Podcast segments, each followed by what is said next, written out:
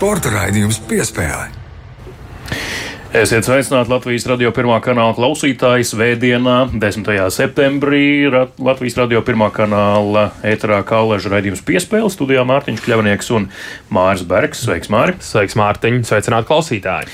Un, eh, protams, ka nu, laikam jau eh, retorisks paliek jautājums, par ko mēs šodien runāsim, jo nu, tā, tie ir tie jautājumi, kuriem atbildes nav jāsniedz, kur ir pašsaprotami. Tātad basketbols pasaules kauss.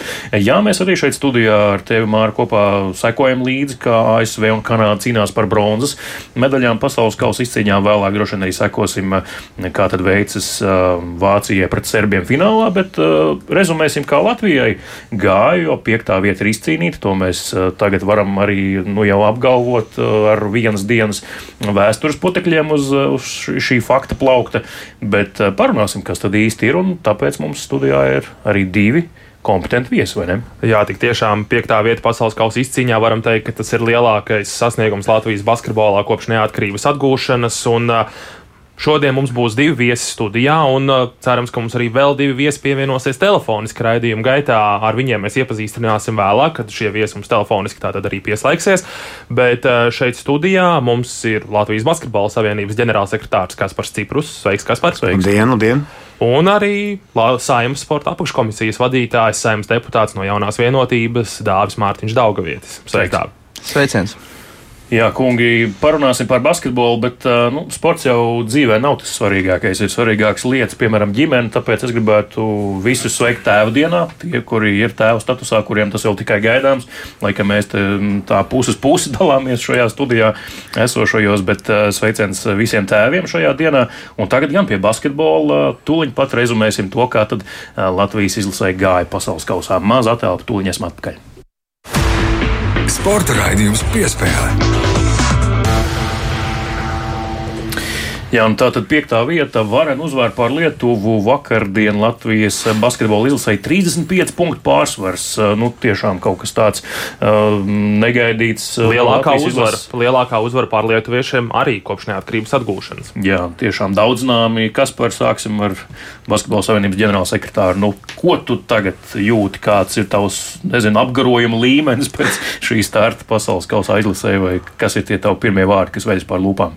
Nē, nu, protams, ka pār lūpām veļās fantastika, komanda, cīņas pars. Un, uh, es atceros, kad mēs ar, ar Luku runājām, uh, nu, kad tikko parakstījām līgumu pirms diviem pusgadiem.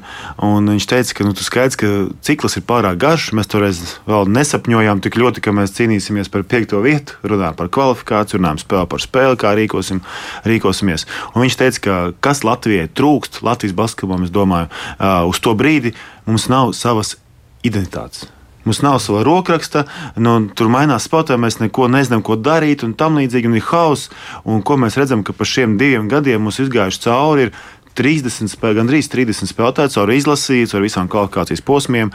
Un, bet rokraksts, rokraksts jau nav mainījies ir komandas spēle, mainās līderi, mainās uh, daudzas citas uh, lietas, bet rokraksts paliek, mēs kapājamies, mēs krītam pēc katras bumbas, tā kā pēc pēdējās, jo mēs saprotam arī to, kur mēs bijām pirms trīs gadiem. Mēs bijām pašā dziļākajā pagrabā iekrituši un uh, lēnām soli pa solim, bez nekādām lielām ambīcijām cēlāmies uz augšu. Un tā mēs arī šobrīd esam tur. Mēs nekad nefuk nefokusējāmies uz rezultātu. Protams, ka kaut kādos sapņos vai kaut kādās tādās uh, idejās mēs kaut ko gribam vienmēr, un tas sportisti ir vienmēr maksimālisti, bet uh, par to skaļi mēs nebļaustījāmies. Mēs vienmēr koncentrējāmies uz konkrēto spēli, uz konkrēto spēli. Konkrētai spēlē bija noteikti uzdevumi, un uh, skaidrs, ka ejot soli pa solim, nu, šis fantastiskais rezultāts uh, tika arī sasniegts. Jā, par Lukas Banku piesaisti skaidrs, ka tā bija lielā loza, īstā loza izvilkta, iesaistot viņu Latvijas izlases um, galvenā trenera amatā. Varbūt pastāsti, kas bija tev tās domas un sajūtas, kad tu viņu uzrunāji, kad tu viņam piedāvāji un cik daudz viņš bija jāpārliecina. Jo beig beigās viņa lomu šajos panākumos, kā jūs sakat, nevar pārvērtēt. Tas ir ļoti liels komponents un svarīgs sastāvdaļa visā šajā stāstā. Jo pats Lūk, arī pēcspēles preses konferencē šī pasaules kausa laikā nereiz vien ir stāstījis, ka viņam piezīmēja spēlētājs Kaspars Ciprus, kuru viņš atceras no 2000. gada, kurš tagad ir kļuvis par ģenerālsekretāru Latvijas Basketbalu Savienībā un uzaicina nāc trenēt Latvijas izlasi. Nu, skaidrs, jā, pēc Bulgārijas zaudējuma mēs reiz sapratām, ka mums konceptuāli ir jātaisa nu, kārtīgs restarts. Ja tā kā gājis līdz šim, nu, visu laiku kaut kas pietrūkst, vairāk vai mazāk, bet nu, visu laiku kaut kas pietrūkst. Nu, tad mēs sākām domāt, ko mēs varam darīt, gribējām veidot pavisam citu stilu. Mēs sapratām, ka mums ir vajadzīgs treneris, kurš ne tikai strādā izlasi, bet kurš māca arī motivēt visu pārējo. Nu, tāds, nu, tāds, iedvesmotājs. Un, un parunājot arī ar Luku, paņemot viņa CV, skaidrs, ka es Luku zināju pirms tam. Bet, nu, bet viņš tādā arī bija tāds, kad viņš tev trenēja. Šāds kāds viņš ir tagad. Nu, viņam bija 36 gadi, man bija 18. Es tiešām, man, es domāju, man bija cits arī vērtības un citi redzējumi. Un, tu tam nepievērs uzmanību. Es tam ne, jo, ja, ja viņš man piemēram šobrīd teiktu, vairāk trenējies, daram to skaidrs, ka ar šī brīža smadzenēm es viņu klausītu pavisam savādāk, kad tev ir 18 gadi, tev pavisam cits vējš galvā un sauksim teiksim, lietas savos vārdos. Bet kāpēc tieši Luka? Ziniet, protams, ka mēs visu laiku domājam, ka Latvijai mums kaut kas pienāks. Bet no pasaules fona visas valstis visas domā, ka viņiem kaut kas pienākās. Ja mēs atcerēsimies, ka mums bija jāmeklē treneris, nu tad reiķinam. 24 komandas tiek uz Eiropas čempionātu. Tie treneri, kas ir, viņi vairs nav pieejami. Attiecīgi, ACB treneri nav pieejami, jo viņi logos nevar trenēt. Eirolandes treneri nav pieejami. Treneri nav pieejami. Nu, tomēr pēc zaudējuma Bulgārijai nav tā, ka mums visi nesa naudas mājas un saka, nu, ziniet, nu, tas laiks, ka jums tagad jāpaņem top treneris. Un tad līdz ar to, protams, ka mēs skatījāmies uz visām opcijām, bet uh, komunicējot arī ar citiem spēlētājiem, citiem funkcionāriem, nu, man bija skaidrs, ka Luka noteikti ir viens no nenovērtētākajiem spēcīgākajiem Eiropas treneriem. Jo, ja mēs paskatāmies viņa CV, viņš ir vairāk kārtējis Itālijas čempions, ja nemaldos, divkārtējais eh, Eirolandes bronzas ieguvējs, plus vēl ļoti, ļoti labi Livorno un Siena ir palīdzējis ar jaunu sistēmas izveidi. Un tas, protams, ka to brīdi ņemot luku, neviens nesapņoja, ka mēs to izskatīsimies ar visām nāves grupām, visu paņemsim. Nē, mēs gājām soli pa solim, palīdzot lēnām arī ieviest jaunas tās, tās vēsmas jaunatnes sistēmā. Tā kā soli pa solim sapratām, ka viņš būs tas labākais.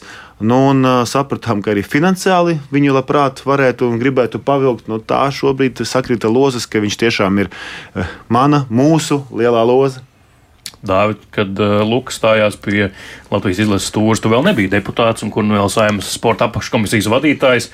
Kā tu atceries to laiku? Droši vien kā Latvijas izlases līdzutējs, kad tas notika. Jā, nu, sportam esmu sekojis arī līdz pirms es biju saimnes deputāts un sporta apakškomisijas vadītājs. Un tiešām es kā šodien īstenībā atceros to spēli pret Bulgāriju, kur es skatījos mājās. Pēc tā zaudējuma tā sajūta bija tāda, nu, kur vēl tālāk. Nu, mēs nebraucam uz Eiropas čempionātu. Principā nu, nav noslēpums, ka uh, sabiedrībā un sporta pasaulē kā tādā uh, pastāv tas viedoklis, ka nu, šis ir tas mūsu laiks, tā mūsu zelta paudze, kas uh, izcīnīja 17. gadā šo piekto vietu Eiropā un likās, ka tagad viss sāksies. Un tas bija otrais lielais turnīrs, ko mēs uh, palaidām garām. Un, nu, bija, ja tā godīgi, bija vienkārši kā sporta fanam, kā tādam, bija ļoti skumji. Un varētu paskatīties tajā atpakaļ, bet, manuprāt, pēc tā zaudējuma. Uh, zaudējuma Bulgārijam es vēl Twitter vai tagad X, kā saucās šī aplikācija, ierakstīju, kad ka būt uh, Latvijas sporta fanam uh, un līdzutējiem tas ir mazliet mazohisms, jo bija sakrājušies tik daudz šie sāpīgie, skaistie zaudējumi. Ka, Pārfrāzējot uh, uz pārnoto teicienu, basketbols ir ne tikai prieks, bet arī ciešana. Jā, tieši tā, tieši tā precīzi. Un nu, tas, kas ir noticis nākamajos gados, un kā principā teikt, ka šis te basketbols Latvijā, nu, es gribētu teikt, ir atzīmes kā tāds fēniks no pelniem, un tās emocijas, kas ir sagādātas cilvēkiem, nu, tas neatsveram. Pašam vakardien sanāca skatīties spēli Latviju-Lietuvu Valmierā, pilsētas centrā, pilns ar cilvēkiem, mazi bērni, gan Valmiera glāzes futbola kluba formās, gan BMX kreklos, un visi skatās, un kas man likās tāds viens no tādām nu, pat saviņojošākajām lietām bija tas, ka visi pēc spēles vēl, vēl vienreiz piecēlās un nodziedāja Latvijas himnu. Vienkārši tāpatās paši no sevis. Un tas tiešām parāda to, cik daudz tas nozīmē Latvijai, Latvijas tautai, tādai tautas saliedētībai, jo skaidrs, ka šobrīd nav tie paši vienkāršākie laiki ne pasaulē, ne Latvijā kā tādā. Un, nu, tiešām tādā ziņā visu cieņu tiem cilvēkiem, kas ir darījuši visu, lai mēs šodien būtu tur, kur mēs esam. Un cerams, ka, kā jau Kasparam rakstīju pēc, pēc zaudējuma Vācijai, ka šis te ir sākums kaut kam lielam, kas beigsies varbūt 25. gadā Rīgā Eiropas čempionātā. Lai mēs pagaidām paliktu vēl pie tā Lukas Banki mm, fenomena un personības. Ieklausīsimies, ko saka Luka Banki. Viņš to teica preses konferencē Manilā pēc uzvaras par Itāliju, un viņa vārdi vispār par Latvijas basketbolu, viņa lomu tajā Luka Banki. This is my mission. I have to impulse basketball in this country. It's not because I need to win games. Because... Mana misija ir iedot jaunu impulsu Latvijas basketbolam. Nē, esmu te, lai uzvarētu spēlēs. Manai karjerai nav vajadzīgs papildu uzvaras, bet Latvijas basketbolam jāpaliek līmenī, kādā tas pelnījis būt. Tāpēc mums ir vajadzīgas šādas spēles, kā pret Spāniju, pret Franciju, Turciju, Serbiju, lai visiem parādītu, ka esam dzīvi, ka eksistējam. Mēs uzvaram varenas komandas, jo mums ir savs spēles stils un identitāte. Šodien pierādījām, ka mums ir arī savas vērtības. Saku mēs, bet viņiem ir. Viņi dara izcilu darbu, lai Latvijā popularizētu basketbolu. Vakar Latvijas skolās stundu laikā bērniem atļāva skatīties mūsu spēli pret Vāciju. Vienu šādu video nosūtīja komandai pēc spēles pret Vāciju tieši pirms gulētiešanas. Dažu spēļu laikā šie vīri ir kļuvuši par bērnu elkiem, un elkiem ir jāiedvesmo. Tieši to šodien no mums gaidīja. Vēl vienu pierādījumu, ka mums ir dārgas savas vērtības. To viņi paveica. Viņi ir pelnījuši būt paraugi. Tas nav stāsts par uzvarām, bet gan attieksmi.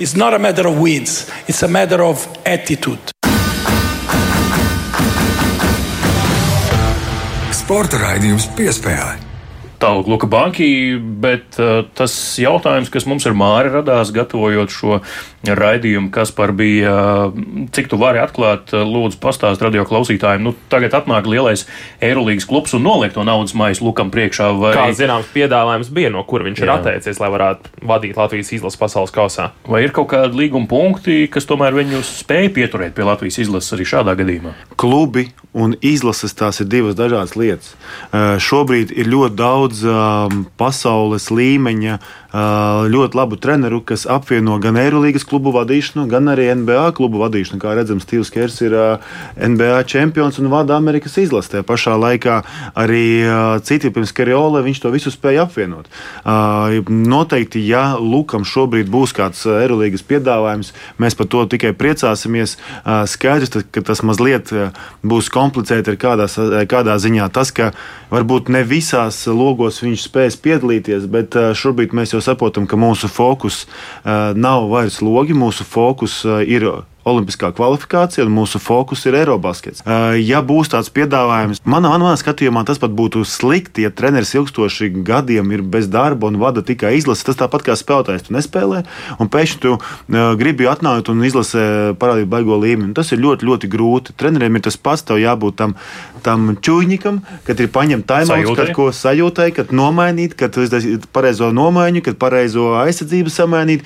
Nu, tur tev jābūt visu laiku tā kā uh, tonusā. Un tas, es domāju, nav problēma. Um, ja viņam būs piedāvājums, mēs noteikti to atbalstīsim. Un, jo lielākais darbs jau nav izdarīts vadot spēli. Lielākais darbs ir izdarīts to visu komandu paņemot, sagatavojot, komunicējot visu gadu. Visgrūtākais jau kā vienmēr ir izveidot to komandu, lai viņi kopā skrien vienā solī, vienā virzienā, vienā ritmā. Tas ir tas grūtākais darbs, un lai kāda būtu viņa izvēle, mēs viņu atbalstīsim un, un mēģināsim atrast risinājumus, lai būtu win-win situācija. Jā, par tiem logiem vēl pavisam īsi paturpinot tematiku. Skaidrs, ka tuvāko divu gadu laikā tas nav pārāk aktuāli, un līdz ar Eirolandes jauno vadību tur tātad nomainījies izpildirektors. Ir runas par to, ka FIBA un Eirolandes attiecības varētu normalizēties relatīvi. Tur tad arī ir vienošanās, ka šie kalendāri nepārklāsies, lai Eirolandes spēlētāji iespēju robežā beigās varētu pievienoties izlasēm, jo citām valstīm februārī gan kvalifikācija būs svarīga atšķirībā no mums uz Eirobasketu. Um, vai tu redzi kaut kādas iespējas un situācijas normalizēšanos, būdams uh, Basketbola savienībā un iesaistīts arī FIBA procesos nedaudz? Nu, skaidrs, ka ne FIBA, ne Eirolandes vadība to baigi neko nenoteiks. Tur vienmēr noteikti būs spiediens no klubiem, uh, no bagātiem klubiem, kas mūziku to arī pasūta. Bet uh, es domāju, ka šī mūsu komanda ir parādījusi vienu. Vienalga, kas tev pretī, kāds NBA un Eirolandes zvaigznes nu, tev ir galvenais komandas ķīmija. Protams, ka tev uzreiz ir papildus varbūt kaut kādi instrumenti, ja tev ir labāki spēlētāji, bet tajā pašā laikā, nu, paskatoties, uzliekot uz Excel mūsu komandu un top 16 pārējās komandas, nu, es domāju, kā mēs redzējām, mēs nevienā no sarakstiem nebijām favorīti. Nu, te ir jādomā, kā mēs noturam to ķīmiju. Vienalga, kur mūsu spēlētāji ir. Galvenais, lai ir komandas rokraksts un ienākot katram jaunajam spēlētājam iekšā, lai viņš ir saprot, ko darīt, saprot, kur skriet. Šobrīd es neredzu, ka mums Latvijas izlasē šī varētu būt problēma tuvākajos gados. Bet, Dāvija, jautājums tev, kā, kā lēmēju varas vai likumdevēju varas pārstāvim, vai izglītības un zinātnes ministrija jau ir rosinājusi kaut kādas prēmijas basketbolistiem? Tu zini kaut ko? Um, tik cik es esmu dzirdējis, tad jā, otrdien uz ministru kabinetu uh, ies saskaņošanai lēmums, kur ir piešķirta papildus līdzekļu basketbola savienībai gan, lai sāktu atgriešanos no Manilas, jeb šajā gadījumā no Dubajas, jo tā ir vienīgā iespēja ar tiešo reisu, lai viņi visi kopā paspētu rītdien uz pussešiem pie brīvības pieminekļa, un tajā, tajā šajā lēmumā arī ir paredzēta nauda par, par, par prēmijām. Cik viņas būs lielas, es jums no gala godīgi nepateikšu, jo nu, šos te, šos te, šo te lēmumu sagatavoja Izglītības un zinātnes ministrija, un es tik ļoti šajā procesā nebiju iesaistīts. Bet jā, šāds te ir taps, un principā otrdien tas iet uz apstiprināšanu ministru kabinetā. Šajā gadījumā hokeistiem arī tika Hokeja federācijai piešķirts papildu finansējums, kur tika iezīmēts, ka tieši tik un tik procents obligāti ir jāizlieto jaunatnes hokeja attīstībai. Droši vien, ka basketbolā varētu būt līdzīgi, un vai tu uzskati, ka tā tam vajadzētu būt? Es domāju, ka noteikti, jo nu, nav noslēpums, ka šobrīd principā arī pati Basketbola Savienība to skatās, ka, piemēram, spēlētāji varēja ziedot, uh, ziedot savām izvēlētajām sporta skolām no mājas spēļu biļetēm uh, kaut kādu summu, kas, uh, kas tika iegūta. Un, un tas ir virziens, kurā ir jāiet, jo skaidrs, ka nu, mums ir nepieciešama šī pārmantojamība. Un arī pats Kaspars uh, zina, ka, nu, ja mēs skatāmies uz jaunatnes izlašu rezultātiem, tad, ja neskaita dažus izņēmumus, tad nu, viņi varbūt nav bijuši pēdējos gados tik labi, kā mēs esam pieraduši, bet tas uh, nenozīmē, ka šobrīd nu, skaidrs, ka gan hokeja, gan basketbolā basketbolā, šī, ņemot vērā šī gada rezultātus, tur vajadzētu būt pieplūdumam. Mums šo naudu ir nepieciešams. Uh, ieguldīt jaunatnē, jaunatnes basketbola sistēmā, lai mēs redzētu šos šī te čempionāta augļus varbūt 10, 15 gadus vēlāk. Jo nepavēlti mēs redzam vienu ļoti izcilu piemēru, kur varbūt neizdevās to izdarīt, un tas ir futbols saistībā ar Eiropas čempionātu 2004. gadā. Arī es pats sāku spēlēt futbolu pēc šī Eiro 2004. laikā man bija 8 gadi, un tas bija tas grūdienis, kāpēc es sāku trenēties futbolā, bet tomēr nu, mēs redzam, ka mūsu to sistēmu, diemžēl, un arī nav naudas, kas ieplūda pateicoties Eiro 2004 Latvijas futbolā, nu, mums neizdevās izmantot. Un es domāju, ka nu, tagad vairāk kā, nu, principā, gan arī 20 gadus vēlāk, cerams, ka gan Hokeja federācija, gan Basketbola savienība izmanto šo iespēju, ko viņiem ir darījuši, tieši, nu, iedevuši šīs tiešām talantīgās un neatlaidīgās komandas, kas mums ir bijušas šogad. Jā, kas par basketbola savienībā jau kādas stratēģijas tiek rakstītas, kā visus šos jaunos, ieplūstošos bērnus mēģināt iesaistīt basketbolā. Jau, jau šobrīd nu, nav noslēpums, ka ir grūti ar zāļu pieejamību, nav īsti kur trenēties, ir daž, dažādas problēmas. Par to visu droši vien būs jāsāk domāt atkal pastiprināt, kā jau tikko Dāvis runāja. Es domāju, ka mūsu gadījumā problēma nav ar bērnu daudzumu, jo mums jau ilgākus gadus ir sporta skolās 8000 bērnu, kas ir nu, kopā ar futbolu ir lielākais skaits. Ko man gribētos, jo skaidrs, ka daudzus trenerus, nu, kā viņi trenē, tā viņi trenē, kā viņi attīstās, tā attīstās, ir baigi grūti ietekmēt. Tas jau atkal uz, uz pašu pedagoģu sirdsapziņas, ko man gribētos izdarīt, lai mēs to ideoloģiju, kas ir lielajā izlasē, pārnesam uz jauniešu izlasi, lai mums tiešām veidojās ne tikai lielās izlases rokraksts, lai mums veidojās visas jauniešu un lielās izlases sistēmas rokraksts, ka mēs jau no sākot no 16 saprotam, uz ko mēs augam, uz ko mēs ejam un ko mēs gribam sasniegt. To gan mēs varam ieviest, to gan mēs arī mēģināsim darīt, veidot vienotu ideoloģisku sistēmu, vienotu redzējumu, kādam ir jābūt. Jo šobrīd ar Luku Banku mēs jau runājam, kā lēnām to varbūt ideju pārnest pārnest uz jauniešu izlasēm. Jo skaidrs, ka nu, būsim reāli. Ja tev ir tik daudz bērnu, nu, viņi visi nespēlēs basketbolu. Viņiem visiem nav jāspēlē basketbols. Viņiem ir jābūt, varbūt jādzīvo līdzi sportam. Mums, mums gribās, lai viņi būtu sportiski aktīvi un veseli bērni, bet nu, izsisties no nu, visiem nebūs pat ne tuvu iespējams. Bet ar to labo, kas mums ir, talantu daudzumu, mums ir jāstrādā. Tas ir ļoti svarīgi. Un galvenais, lai nu, mēs redzam, ka, ko Luka saka, piezemētība, komanda. Pašatdeve, tas ir pats galvenais. Ja kāds uzskatīs sevi jau no jaunatnes vai jaunatnē, ka viņš ir pārāks nekā komanda, nu, man gribētos spriest, ka tad nebūs uh, vietas tādam jaunietim mūsu sistēmā. Es tikai vēl gribēju piebilst, ka, kad arī bija šis tā Smiltēna, manuprāt, kunga tvīts par to, kur Saims sēž zālē, arī piedalījās šajā sēdē, paziņoja par to, ka Latvija uzvarēja Itāliju.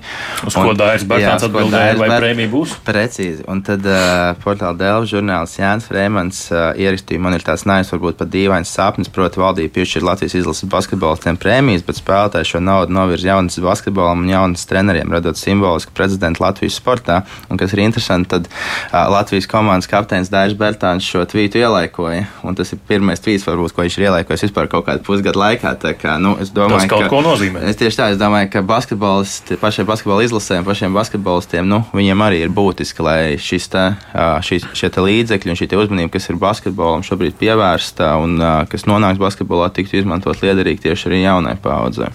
Bet es varbūt varu paturpināt, ka mums jau nav tā, ka uh, tas netiek darīts. Mēs redzam, ka mūsu NBA zvaigznes ceļ laukumus, uh, ko izdarīja, izdarīja Dāvis pēc spēles. Pēc tam spēles pret Somiju nopirka inventāru, visu tagad gaidām, mēs viņu, kad viņš atbrauks un mēs nodosim konvojam, kurš dosies uz Ukrajinu. Mums jau beidzot lēnām sāk mainīties tā domāšana spēlētājiem, un spēlētāji sāk saprast, ka visu pasaules naudu jau nenopelnījis. Un lēnām sāk atdot arī eh, daļu eh, jaunatnē, kas ir ļoti, ļoti apsveicami. Un, nu, man jau arī gribās, man arī patīk tas, ka, ko es redzu no mūsu izlases. Eh, tas droši vien ir vairāk pateicoties mūsu dažu spēlētāju sievām, ka mūsu izlase izskatās eleganti. Lai kādi mēs būtu spēlē, mēs ejam e, uzvalkos, mēs izskatāmies vienkārši eleganta izlase, no kā tiešām gribās ņemt piemēru. Tā kā paldies spēlētāju sievām par institīvu. Nenoliedzami, Džakartā Latvija bija labāka ģērbtā komanda. Tur, Jā. kur galu galā mums tur bija arī tā pati Spānija. Pārējie uz e, preses konferencēm nāca treniņu tērpos, līdz ar to latvieši no dienas izcēlās. Bet, e, ja mēs par jaunatnes basketbolu runājām, tad viens no, nu, laikam, veiksmīgākajiem jaunatnes treneriem Latvijā Raivo Otersons arī um, vēlas teikt pāris vārdus par šo lielisko panākumu piekto vietu un arī par to, ko mēs te jau runājam, gan par zāļu pieejamību, gan par jaunajiem censoņiem. Raivo Otersons. Lieliski, ļoti labs sasniegums. Kaut ko vajag nedaudz negaidīt.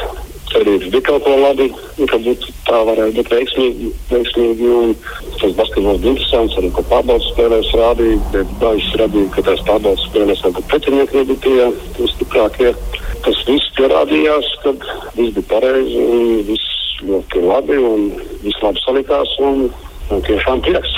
Cik no šiem vīriem personīgi gan jau, ka nu, pazīstat, gan jau, ka viss tuvāk vai tālāk, bet varbūt saskarsme kāda tāda tuvāka trenēšana ir bijusi, varbūt var nosaukt ar kuriem?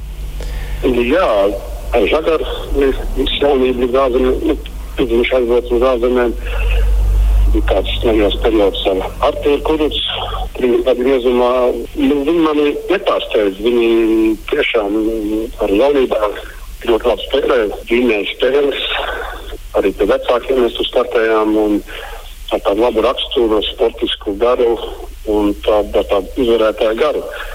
Bija jautājums, kā tādu lielu spiedienu pret tādu vīru basketbolu kā izskatīsies, bet eh, nu, viņiem abiem 23 gadi tagad ir un ir, tikuši pāri tai jaunībai. Mm. Kur sākās jau tāda vī, vīriešu gaits, un uh, ir tikuši pāri ļoti veiksmīgi. Tas viss tagad arī izpaužās uh, vīriešu basketbolā skaidrs, ka Artūra talantu varēja redzēt jau, vien, jau sākot, kad viņš sāk trenēties basketbolā. Par viņu runāja jau, kad viņam bija 13, 14, 15 gadi, kā par milzu talantu. Vai viņš beidzot šajā turnīrā parādīja, uz ko viņš patiesi ir spējīgs, jo nu, līdz šim šie tomēr 4-5 gadi profesionālajā basketbolā viņam nu, nebija spilgti. Bija dažādi savainojumi, treneru neusticība, varbūt īstās komandas neatrašana, vai jūs prāt tagad šis ir tas sprādziens, kas liks viņa karjerai uzkāpt tajos augstumos, kur tā ir jābūt? Domāju, ka tikai sākums tajā vīru basketbolā, tās talants augs un tās, tās spējas ir ļoti labā līmenī. Jautājums ir par ķermeni, kur kaut kur jau daļai pagājušajā gadā jau tā tie kilogrami un tā uzbūve jau kā, bija, bija stingra, vizuāli izskatījās līdzvērtīgi, teiksim, ārējā līnijā Lietuvā vai Eiropā. Un tagad, ja mēs skatāmies, viņš ir nu, uzbūvēja visu tas ķermenis sakārtojies. Ir, un, Jo jaunībā arī pēc tā 18 čempionāta un tā, kad viņš arī NBA bociņos nebija jau bažas par viņu spējām, par viņu talantu. Bija bažas, kā tā, tas ķermenis, kā viņš sakārtosies un būs spējīgs turēt tās dicīnas, tos triecienus vīru basketbolā. Un šeit jau ir tāds tā kā, parādīt, ka nu, tiešām var un var tikai nevienu spēli, vai vien divas, bet teiksim, jau nu, tā kā nogriezt, var spēlēt jau intensīvi un, un, un tas talants teiksim, parādās. Viņš to var realizēt arī pie tā spiediena, pie tās aizsardzības, pie, kad viņi ir tikai individuāls sēd. Es domāju, tas ir labs sākums. Nu, daudz saka, nu jā, pēc šādiem panākumiem tad nu, nāks puikas vēl vairāk pieteiksies basketbolā.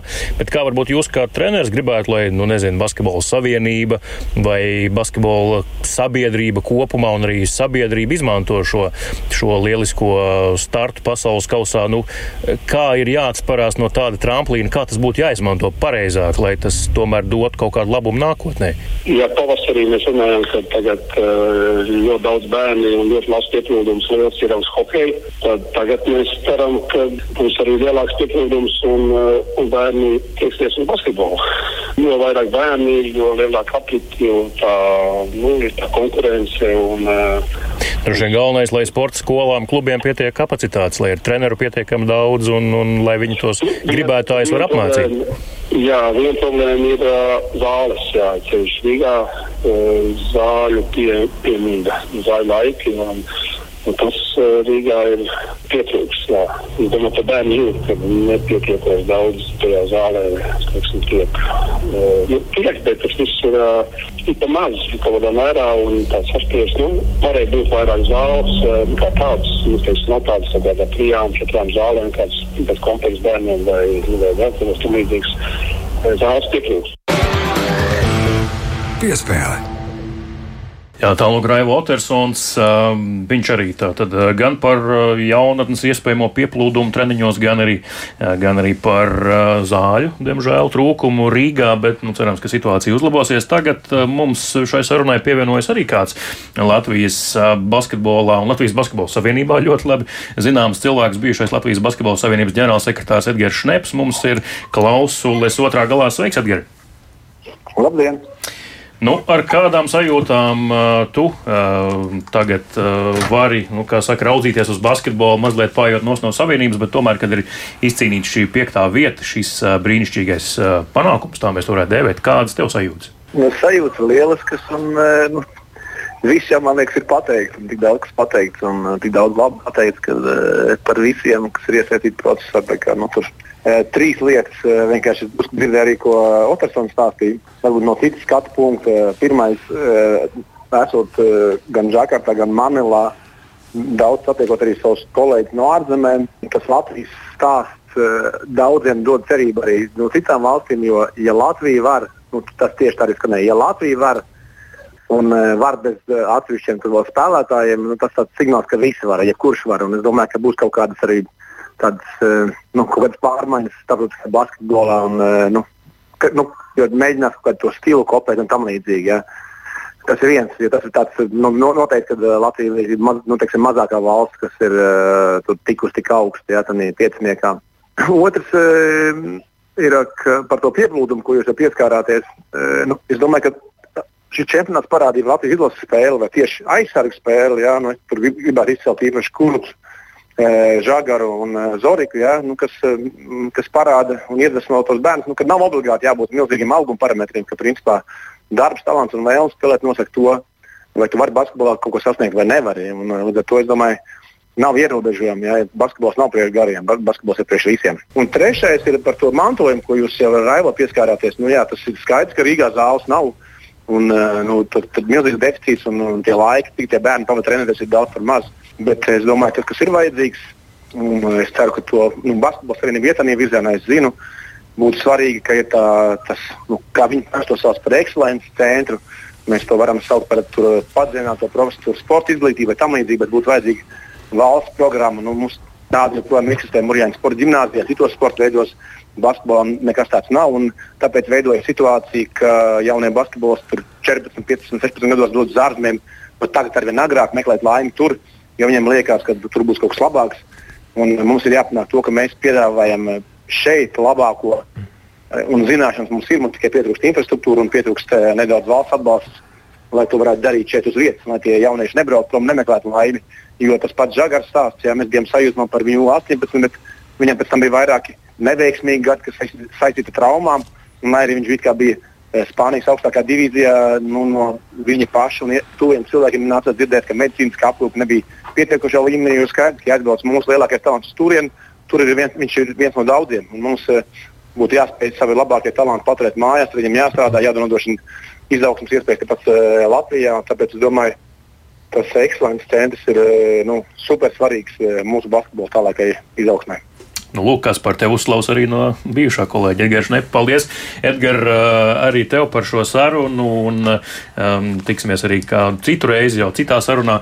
Uh, nu, tālūk, bijušais Latvijas Basketbola Savienības ģenerālsekretārs Edgars Šneps mums uh, telefonu sarunā arī rezumēja šo te piekto vietu, nu, labi vārdu, vai ne, kas par, nu, auss tvīkst. Viennozīmīgi, viennozīmīgi. Mēs parunāsim arī raidījuma otrajā daļā par uh, to, kas gaidāms jau rītdien pie brīvības pieminekļa, kad komanda sagaidīs arī par iespējamu olimpiskās kvalifikācijas turnīru norisi Rīgā. Bet tagad uh, viens no Latvijas basketbola izlases treneriem, Žants Pēners, sarunā ar raidierakstu tālmetiens par to, kāda ir uh, šī brīža spēlētāja mentalitāte komandā un par ko viņi vispār domā, izcīnot, izcīnot piekto vietu, finišējot sešniekā pasaules kausā. Tāpat varēja pat sanākt vēl labāk. Un arī mēs tur, cik es te no džekiem tā dzirdu, nejūt, neviens jau nejūtas, ka būtu baigi kaut ko sasnieguši. Tur par to parādi to pašu nav tā, ka uh, vispār kāds gribētu baigi iet, jo visi liekas, nu mēs taču neko baigi, ne, mēs tikām, jā, sešniekā, nu mēs arī Eirobasketā bijām piektie vai ne? Nu šeit ir Amerika un Kanāda klāt, bet Nu, nav tā, ka kaut kāds baigais lēciens vai baigā medaļa vai tur uzvaru čempionātā. Džeki tomēr ir pietiekami ambiciozi. Viņi uzskata, ka tā ir norma. Mēs esam izauguši līdz tādam varbūt līmenim, ka mēs jau uzskatām sevi te piederīgi, un mēs varam spēlēt ar Franciju, Spāniju. Mēs, iznāk, mēs varam domāt par uzvaru, nevis tā kā agrāk, o, nu pat desmit zaudējumi jau ir labi, jau nocīnījāmies. Nē, tagad mēs izējām, Un, ja mēs zaudējam Vācijā, mēs nedomājam, ka, oh, Dievs, cik mēs labi nospēlējam, zaudējam tikai par divu punktu, ejam svinēt. Te neviens nav neko svinējis vispār par visu šo čempionātu. Te nav bijuši vispār nevienas svinības, nekas te nav bijis. Tā kā neviens neuzskata, ka mēs esam kaut ko baigi sasnieguši. Un, uh, man liekas, ka tā ir laba īpašība, jo sportā tomēr vienmēr ir jābūt tā kā ja mēs tā kā uzvarētu, nu, ok, otrā, trešā vietā, es domāju, arī kāds vēl pasvinētu. Bet kopumā šai paudzei, šiem džekiem ir prātā, ka mēs, ja neuzvarējam tagad, varbūt mums vēl būs iespēja kaut kad uzvarēt vēl, jo tomēr visi ir brieduma gados, un man liekas, ka pareizais mainsets ir jā. Sporta raidījums piespēlē. Kaspar, tā tad jau pirms brīža ieskicējām, ka rīt, rīt pēcpusdienā ir sagaidāms uh, Latvijas izlases svinīgais sagaidīšanas pasākums pie brīvības pieminiekļa. Dāvis jau arī atklāja, ka Latvija tātad ielidos uh, no Dubajas, uh, kā saprotu, tātad visa komanda vienā reisā. Varbūt mazliet vairāk pastāstīja par to, kas tad ir plānots šajā pasākumā. Nu, noteikti lielākais izaicinājums bija tāds, ka kā visus spēlētājus un trenerus mēs varam nogādāt uh, Rīgā vienā brīdī. Tomēr no Bet manis, viņi visi būs viena viņi, komanda. Tāpēc man, man ir milzīgs paldies uh, arī valdībai, kas operatīvi atrada iespējas čārterim no Dubajas uz Rīgu, jo tas ir skaidrs, ka Manila Rīga ar vienu reisu kopā vienā brīdī, nu tas nav iespējams. Mums jau šobrīd eh, ir saraksts, ka no Manilas līdz Dubajai komanda lido ar septiņiem dažādiem reisiem. Tur viņi savāksies kopā, atpūtīsies un izgulēsies pa nakti un rīt no rīta dosies no Dubajas uz Rīgu. Un tas bija viens no grūtākajiem loģistikas jautājumiem, kā mēs gribam svinēt, mēs gribam sagaidīt, jo es piekrītu Žanim varbūt daļēji, ka um, nekas nav sasniegts, bet, manuprāt, šis ir visu laiku Latvijas viens no lielākajiem, nozīmīgākajiem sporta sasniegumiem. Un te iet neiet runa par medaļām, te iet runa par to, ka mūsu vīri uh, vairs nav tikai basketbolisti tā vairs nav tikai Latvijas basketbola izlase. Tā ir. Kā uh, Luka teica, elki, varoņi. Tieši tā, paraugi. un, un uh, tauta arī grib pateikties viņiem nu, tikai maza daļa spēja aizbraukt uz Džakartu un Manilu. Kaut tur bija daudz skatītāju, un paldies sestiem spēlētājiem, vairākiem tūkstošiem.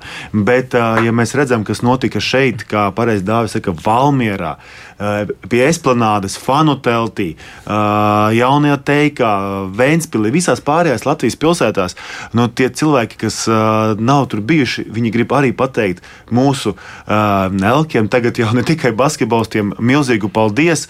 Mēs savukārt šobrīd esam sazvanījuši tiešai ētrā bijušo Latvijas izlases basketbolistu saspēles vadītāju, kur joprojām bieži vien dēvē par tādu, nu, laikam visizteiktāko, vis, nu, tādu mm, saspēles vadītāju tā vārdu vistiešākajā nozīmē etalonu pārējiem. Raimons Miglnieks mums ir uh, telefona klausulas otrā galā. Sveiks, Raimond! Jā, labdien! Klaunu, kādas ir emocijas bijušajam Latvijas izlases saspēles vadītājam, redzot to, kā spēlē Artūrs Žagars, kā spēlē visa Latvijas izlase un izcīna piekto vietu pasaules kausā? Nu, par lielam jau man būs jāatkārtojas to, ko visi te, teikt, apkārt runā, kad uh, būtībā mūs uh, visi, spē, visi spēlētāji komandā, tie, kas vairāk, nu, tur sanāca, ka tie, kas vairāk spēlē, viņi nospēlēja, man liekas, pat vēl augstāk nekā virs savu līmeņu. Lielākais jau tas moments ir tas, kad būtībā, kad uh, neviens jau visu jau gaidīja tikai, o, oh, nu, tas lielākais sasniegums būtu tikt ārā no grupas, bet beigās izrādījās tā, ka būtībā mēs varējām arī pie, pie veiksmes cīnīties, arī dabūt medaļas. Jā, nu, mēs te izcēlām Arthuru Zagaru, gan mēs, gan citi mēdīji. Kas ir saspēles vadītājs no saspēles vadītāja pozīcijām? Kāds bija tieši Arthurs Zagars sniegums šajā turnīrā domāju, un būtībā, kā viņu raksturot? Es būtībā, nu, protams, viņa, viņa ieguldījums bija būtībā nu, no saspēles. Divi galvenie būtībā laukumā.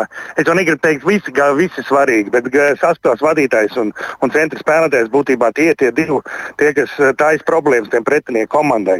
Un būtībā Žagaris ar, ar Gražu viņi, bija, viņi reāli radīja viņiem problēmas. Bet viņiem līdz ar to, tāpēc, ka mums būtībā bija visi spēlētāji, visi varēja trinīši iemest. Ja? Ja?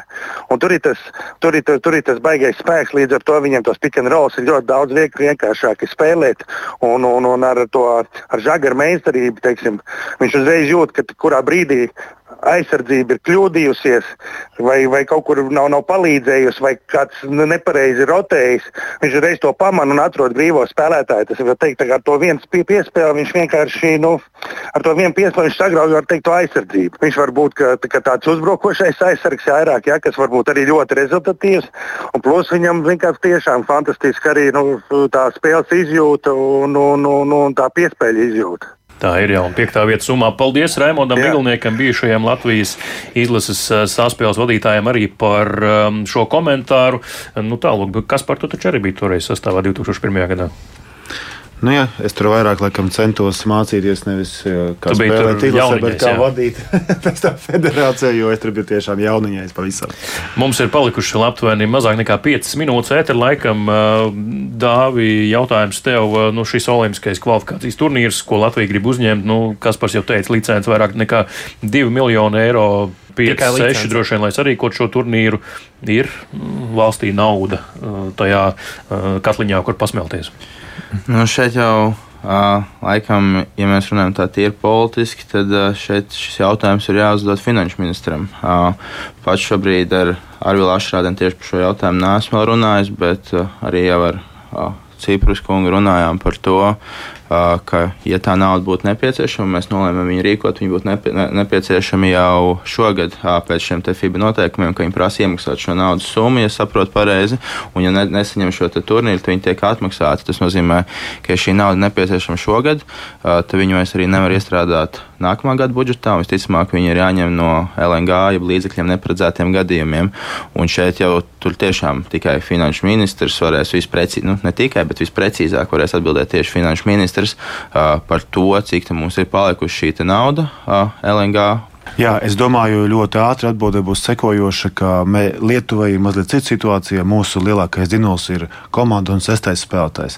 Un es ļoti ceru, ka mēs atradīsim kopīgos risinājumus, mēs pie tā strādāsim, jo sestais spēlētājs ir pelnījis būt ne tikai Džakartā un saņemt tās pozitīvās emocijas, bet arī te, lai ievirzītu mūsu komandu arī citi, citi ir ieinteresēti. Es kaut ko dzirdēju Protams, citas valstīm. arī ir valstis ieinteresētas, varbūt konkrēts nesaukšu, bet uh, nebūs tā, ka tikai kā prasīs, tā iedos. Tur būs noteikti konkurence. Tāds lūk, raidījums piespēle šajā svētdienā, 10. septembrī. Un paldies, ka klausījāties. Sakām arī šoreiz. Es Mārtiņš Kļavnieks un mans kolēģis Mārs Bergs. Ciemos šodien studijā bija Kaspars Ciprus, Latvijas Basketbola Savienības ģenerālsekretārs un Dāvis Mārtiņš Daugavietis no jaunās vienotības, saimnes deputāts un saimnes sporta apakškomisijas vadītājs. Paldies, kungi, ka atnācāt. Paldies, Paldies. ka padalījāties ar domām un viedokļiem.